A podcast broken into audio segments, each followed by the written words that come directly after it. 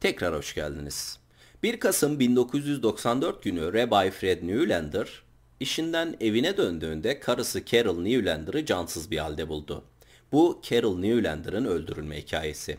Ama hikayemize başlamadan önce çözülmüş, çözülmemiş cinayetler, seri katiller, garip suç dosyaları ilginizi çekiyorsa aşağıda bir yerlerde bir abone ol butonu olacak. Ona şöyle nazikçe dokunabilirseniz çok sevinirim. Hazırsak bugünkü hikayemize başlayalım.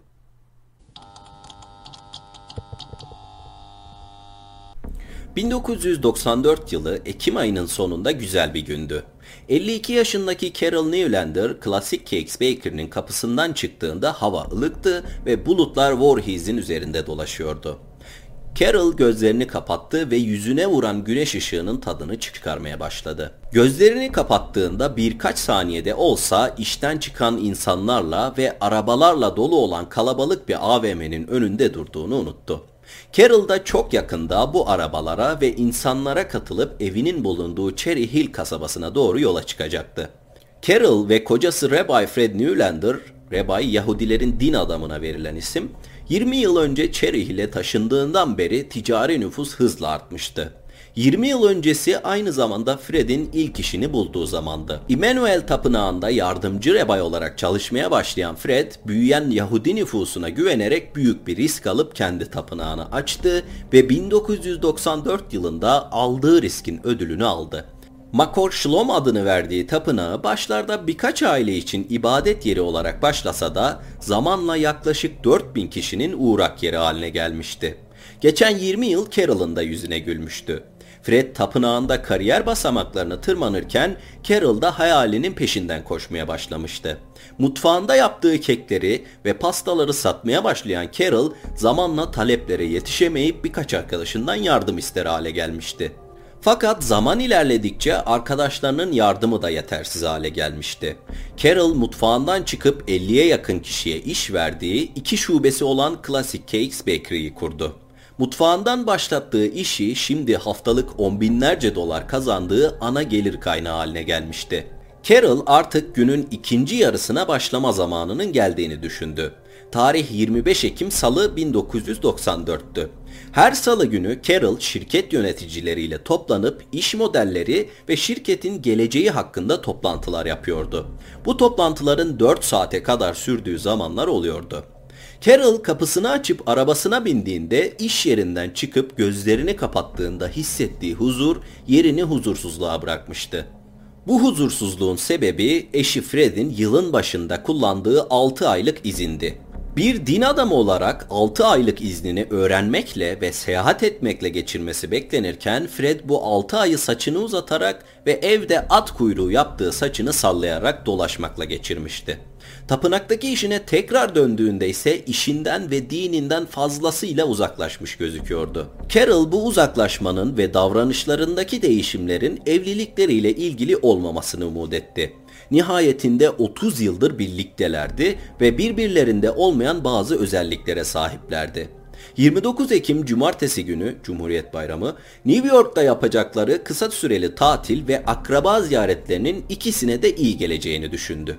Aklından olumsuz düşünceleri silmeye çalıştı. Saat 4'te işinden çıkan Carol birkaç yere uğradıktan sonra iş toplantısının yapılacağı eve gelmişti. Birkaç saat sonra Carol toplantıyı bitirip tekrar arabasına döndü ama yine işi bitmemişti. Carol kendisine yeni bir huy edinmişti. Haftada birkaç gün iki dükkanının da o gün yaptığı ciroyu cüzdanına alıp eve götürüp evde sayıyordu. Ertesi günde ilk iş olarak dükkanlarından aldığı parayı götürüp bankaya yatırıyordu.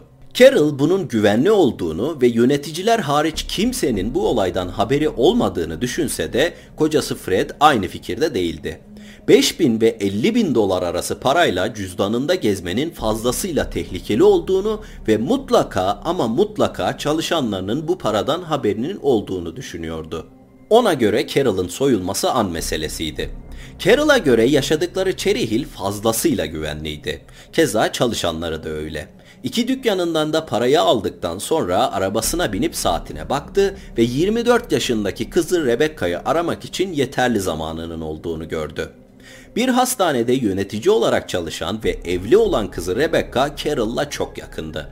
Günlük yaptıkları bu telefon görüşmeleri ikisi için de günlerinin nasıl geçtiğini birbirine anlatma fırsatı verdiği için paha biçilemezdi. Telefonda kızıyla sohbete daldıklarından Carol evinin garajına giren yola gelip camında ani bir tıklama duyduğunda bir transtan çıkmışçasına hazırlıksız yakalandı. Korkudan neredeyse elindeki telefonu düşürecekti. Kafasını çevirip baktığında dev gibi bir adam gördü. Carol'ı korkuttuğunu anlayan yabancı birkaç adım geriye doğru çekilerek zararsız olduğunu belli etme amacıyla ellerini havaya kaldırdı. Telefonda telaşla ne olduğunu anlamaya çalışan Rebecca'ya birkaç dakika beklemesini söyledikten sonra camını yarıya kadar indirdi ve yabancıya ne istediğini sordu.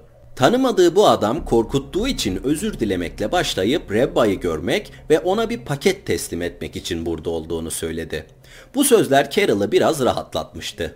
O kadar uzun süredir Fred'le birlikteydi ki günün hiç ummadık saatlerinde gece ve gündüz fark etmeksizin Fred'i görmeye gelen insanlara alışkındı. Carol penceresinin diğer yarısını da indirerek Rebay'ın şu anda evde olmadığını ama eve gelip bekleyebileceğini ve geldiğinde paketi kendisinin teslim edebileceğini söyledi. Hala telefonda konuşmaya dinleyen Rebecca bu sözleri duyduğunda biraz endişelendi. Carol telefonu tekrar kulağına götürür götürmez adam gittiğinde emin olmak için kendisini aramasını istedi. Carol kabul ettikten sonra telefonu kapattı, arabasından indi ve arkasında Rebay'ın ziyaretçisiyle eve doğru yürümeye başladı. Ziyaretçi evle biraz fazla ilgileniyor gibi gözüküyordu. Koridorda sağa sola gidiyor, odaları kontrol ediyor ve döndüğünde koridorda masum gözükmek için parmaklarının uçlarında duruyordu. Döndüğünde Carol'a birkaç dakikalığına lavabolarını kullanıp kullanamayacağını sordu. Böyle bir istekte bulunduğu için çekindiğini anlayan Carol adama gülümseyerek yanıt verdi ve lavabonun yerini tarif etti. Adam evin arka tarafına doğru giderken Carol evin önünde gelen postaları kontrol etmeye başladı. Adam lavabodan döndüğünde Carol salonda oturup bekleyebileceğini söyledi. Fakat adam rahatsız ettiği için özür diledi ve beyaz bir zarf uzatıp Rebay geldiğinde teslim etmesini rica ederek evden ayrılmak istedi. Carol zaten postaları kontrol ettiği için adam zarfı uzatır uzatmaz alışkanlık olarak zarfı açtı. Boş olduğunu gördüğünde ise kapıyı açmak için uzanan yabancıyı elini kapıya koyarak durdurdu. Ve bir dakika bu zarf boş dedi. Hazırlıksız yakalanan adam muhtemelen yanlış zarfı getirmişim. Bir dahaki geldiğinde doğrusunu getiririm deyip cevabını dahi beklemeden evden çıktı. Carol boş zarfı çöpe attıktan sonra Rebecca'yı tekrar aramak için telefonu aldı. Rebecca'ya gülümseyerek Rebba'nın karısı olarak tuhaf bir anı daha biriktirdiğini ve arkadaşlarına birkaç defa daha anlattıktan sonra unutacak bir anısı daha olduğunu söyledi. Fakat bu unutabileceği bir anı değildi. 1 Kasım 1994 günü saat 8 civarıydı. Carol Classic Cakes Bakery toplantısından çıkmış ve evine dönmüştü. Kocası Fred'le gittikleri New York akraba ziyaretleri akabininde tatilleri pek umduğu gibi gitmemişti. Tatillerinin dönüşünde arabada büyük bir tartışma yaşamışlardı. Tartışmada Fred'in söylediği sözler dolayısıyla hala biraz kırgın hissediyordu. Arabasını garaja park ettiğinde istediği tek şey içeriye girip kızı Rebecca'yı aramaktı. Belki de kızının sesini duymak ona iyi gelecekti. Tahmin ettiği gibi de oldu. Numarayı çevirip Rebecca telefonu açtığında tüm kırgınlığı yerini mutluluğa bırakmıştı. Ayakkabılarını çıkarıp koltuğa uzun bir telefon konuşması için yerleşen Carol'ın telefon keyfi saat 8.30 civarı kapısında duyduğu tıklatma sesiyle bozuldu. Kapıya doğru giden Carol renkli camın ardından dahi ziyaretçisini tanımıştı. Geçen salı uğrayıp boş zarf veren aynı devasa adamdı. Kapının kilidini açan Carol adam daha merhaba demeye fırsat bulamadan onu içeriye davet etti. Yine Rebba'yı görmeye geldiğini ya da bu sefer dolu bir zarf vermek için geldiğini düşündü. Adam içeriye girerken Carol telefonda kızına fısıldayarak yine tuvaleti kullanan adam geldi dedi. Ziyaretçisine telefonu birkaç dakikaya kapatacağını, salona geçip bekleyebileceğini söyledikten sonra Carol odalardan birine geçti. Görüşmesi bitip koridora geldiğinde adamın yerinden kımıldamadığını görünce biraz şaşırdı. Adamın geçen seferki tuhaflığından hiçbir eksilme olmamıştı. Gülümseyen Carol adamı kendisiyle birlikte içeriye davet etti.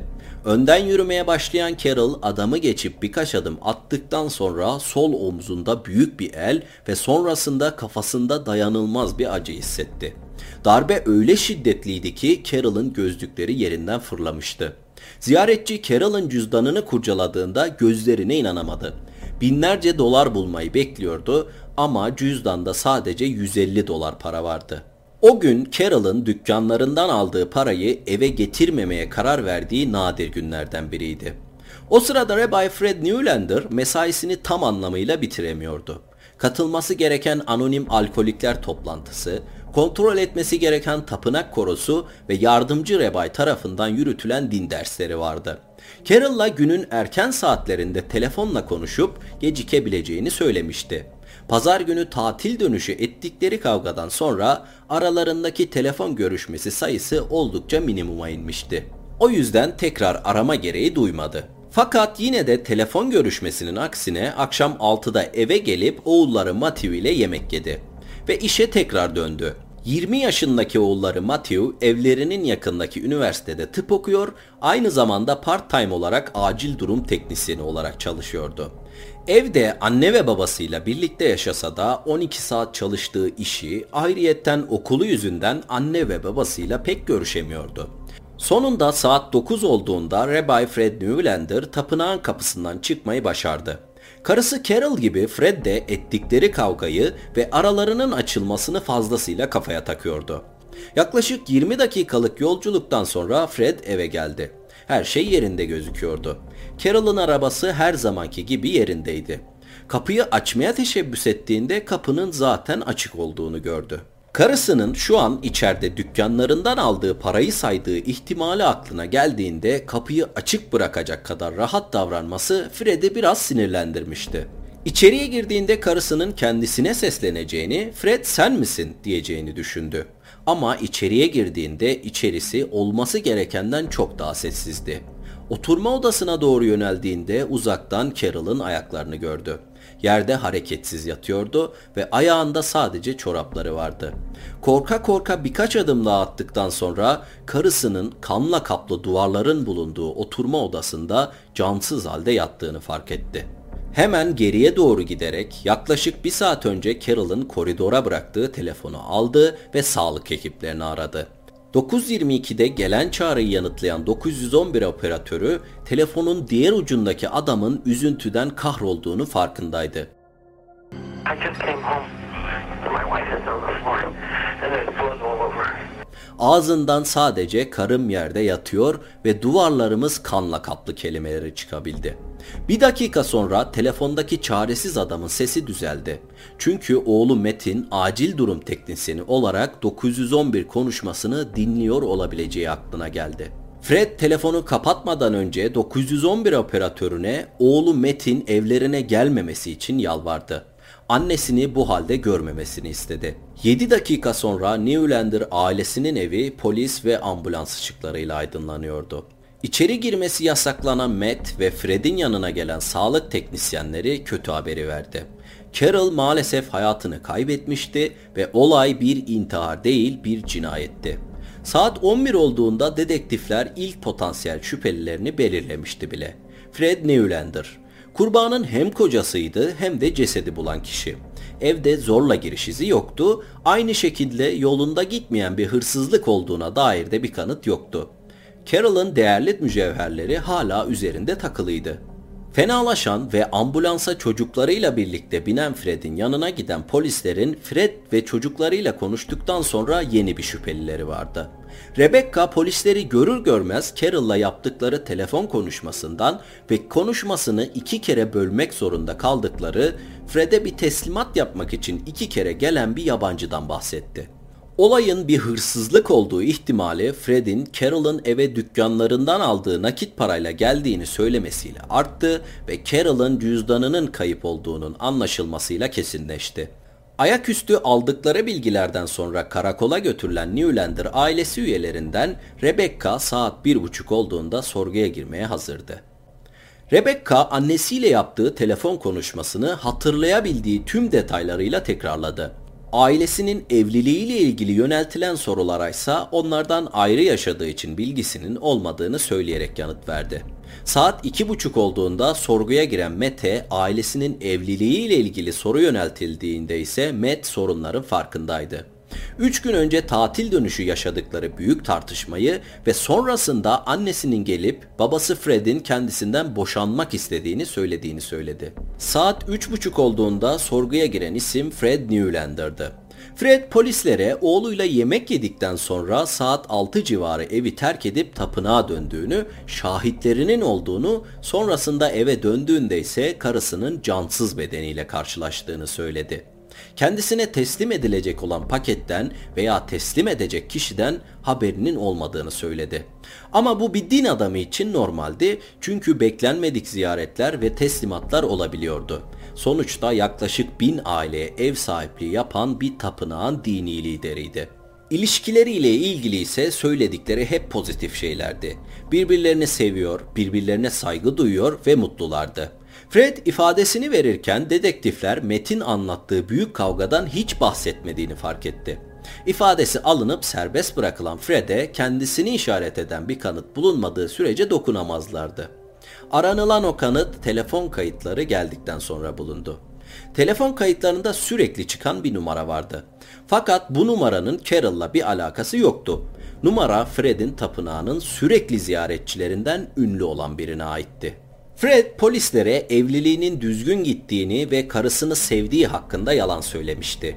Carol öldürülmeden 2 yıl önce 24 Kasım 1992'de Fred tapınağının sürekli ziyaretçilerinden biri olan ve yerel bir radyoda çalışan Elenia Sonsini ile ilişki yaşamaya başlamıştı. Elenia Fred'le Fred'in görev aldığı Elenia'nın eski kocasının cenazesinde tanışmıştı.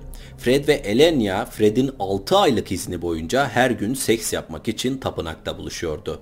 Polisler tarafından sorgulanan Elenia hikayesinin kendi tarafını anlatmak ve Fred'le olan ilişkisini açıklamak için röportaj verdiğinde Fred şüpheli listesinin en üstüne tekrar çekilmişti. Bir din adamı olan Fred'in adının yasak ilişkiyle çıkması toplumun gözünde onu çoktan bir katil yapmıştı. Her fırsatta cinayetle bir ilgisinin olmadığını belirtse de polis onu işaret eden bir kanıt bulmasa da toplum kararını çoktan vermişti.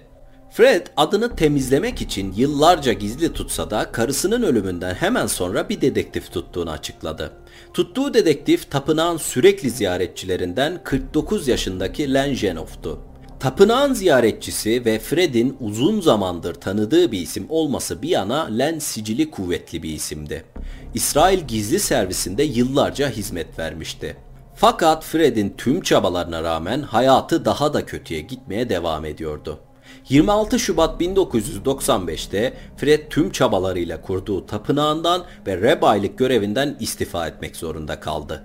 Birkaç ay sonra 9 Haziran 1995'te Elenia Sansini Fred'i terk edip Carol'ın cinayet soruşturmasında görevli polis memurlarından biriyle evlendi. 1996 yılı Nisan ayında Fred'in rebaylık yapması minimum 2 yıl olacak şekilde yasaklandı. Ama kötüye giden her şeye rağmen Fred'in tuttuğu özel dedektif onu kollamaya devam ediyordu. Konuştuğu herkese Fred'in evlilik dışı yaşadığı ilişkide suçlu olduğunu söylese de karısının cinayeti konusunda da suçlu olduğu anlamına gelmediğini söylüyordu. Fred, Len'in desteği için minnettardı ama yetersiz olduğunun da farkındaydı. İhtiyacı olan tek şey karısını kimin öldürdüğünün ortaya çıkmasıydı. Ve ihtiyacı olan şey cinayetten 6,5 yıl sonra 2000 yılı Nisan ayında ortaya çıktı. Nisan ayında polis Carol'ın cinayetiyle ilgili önemli bilgilere sahip olduğunu ve katilini bulmakta yardımcı olabileceğini söyleyen bir adamdan telefon aldı. Adamın anlattığına göre Carol'ın öldürüldüğü gün başına gelenler şu şekilde. Carol'ın katili cinayete dair tüm detayları planlamıştı. 25 Ekim günü Carol kendisini içeriye davet ettiğinde çok büyük bir hata yaptığını farkındaydı. Carol'ın çantasını görmüştü ama asıl geliş amacı olan cüzdanı görüş alanında değildi. Cüzdanı aramak için lavaboya gitmeyi bahane olarak kullandı.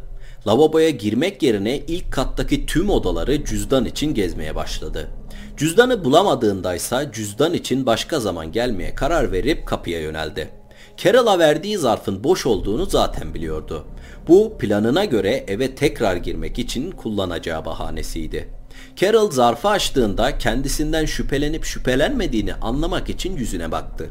Ama Carol o kadar iyi niyetliydi ki kendisinden şüphelenmek yerine teslimatı gerçekleştiremeyeceği için onun adına üzülmüştü. Bir hafta sonra 1 Kasım günü Carol'ın katili tekrar döndü. Geçen sefer yaptığı hataları tekrarlamamak adına bazı tedbirlerle birlikte.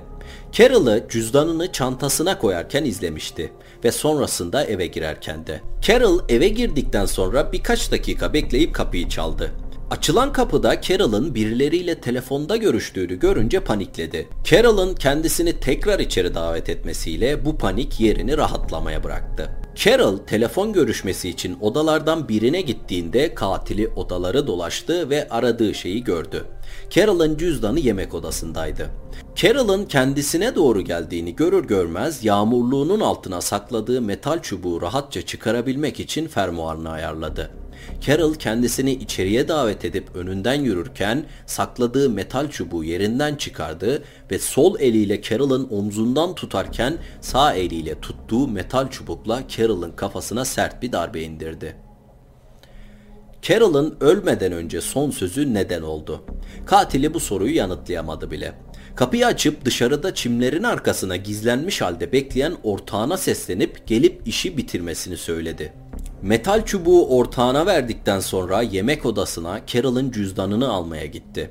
Giderken en az 12 kere olmak üzere ortağının Carol'ın kafasına vurduğu metal çubuk sesini duydu.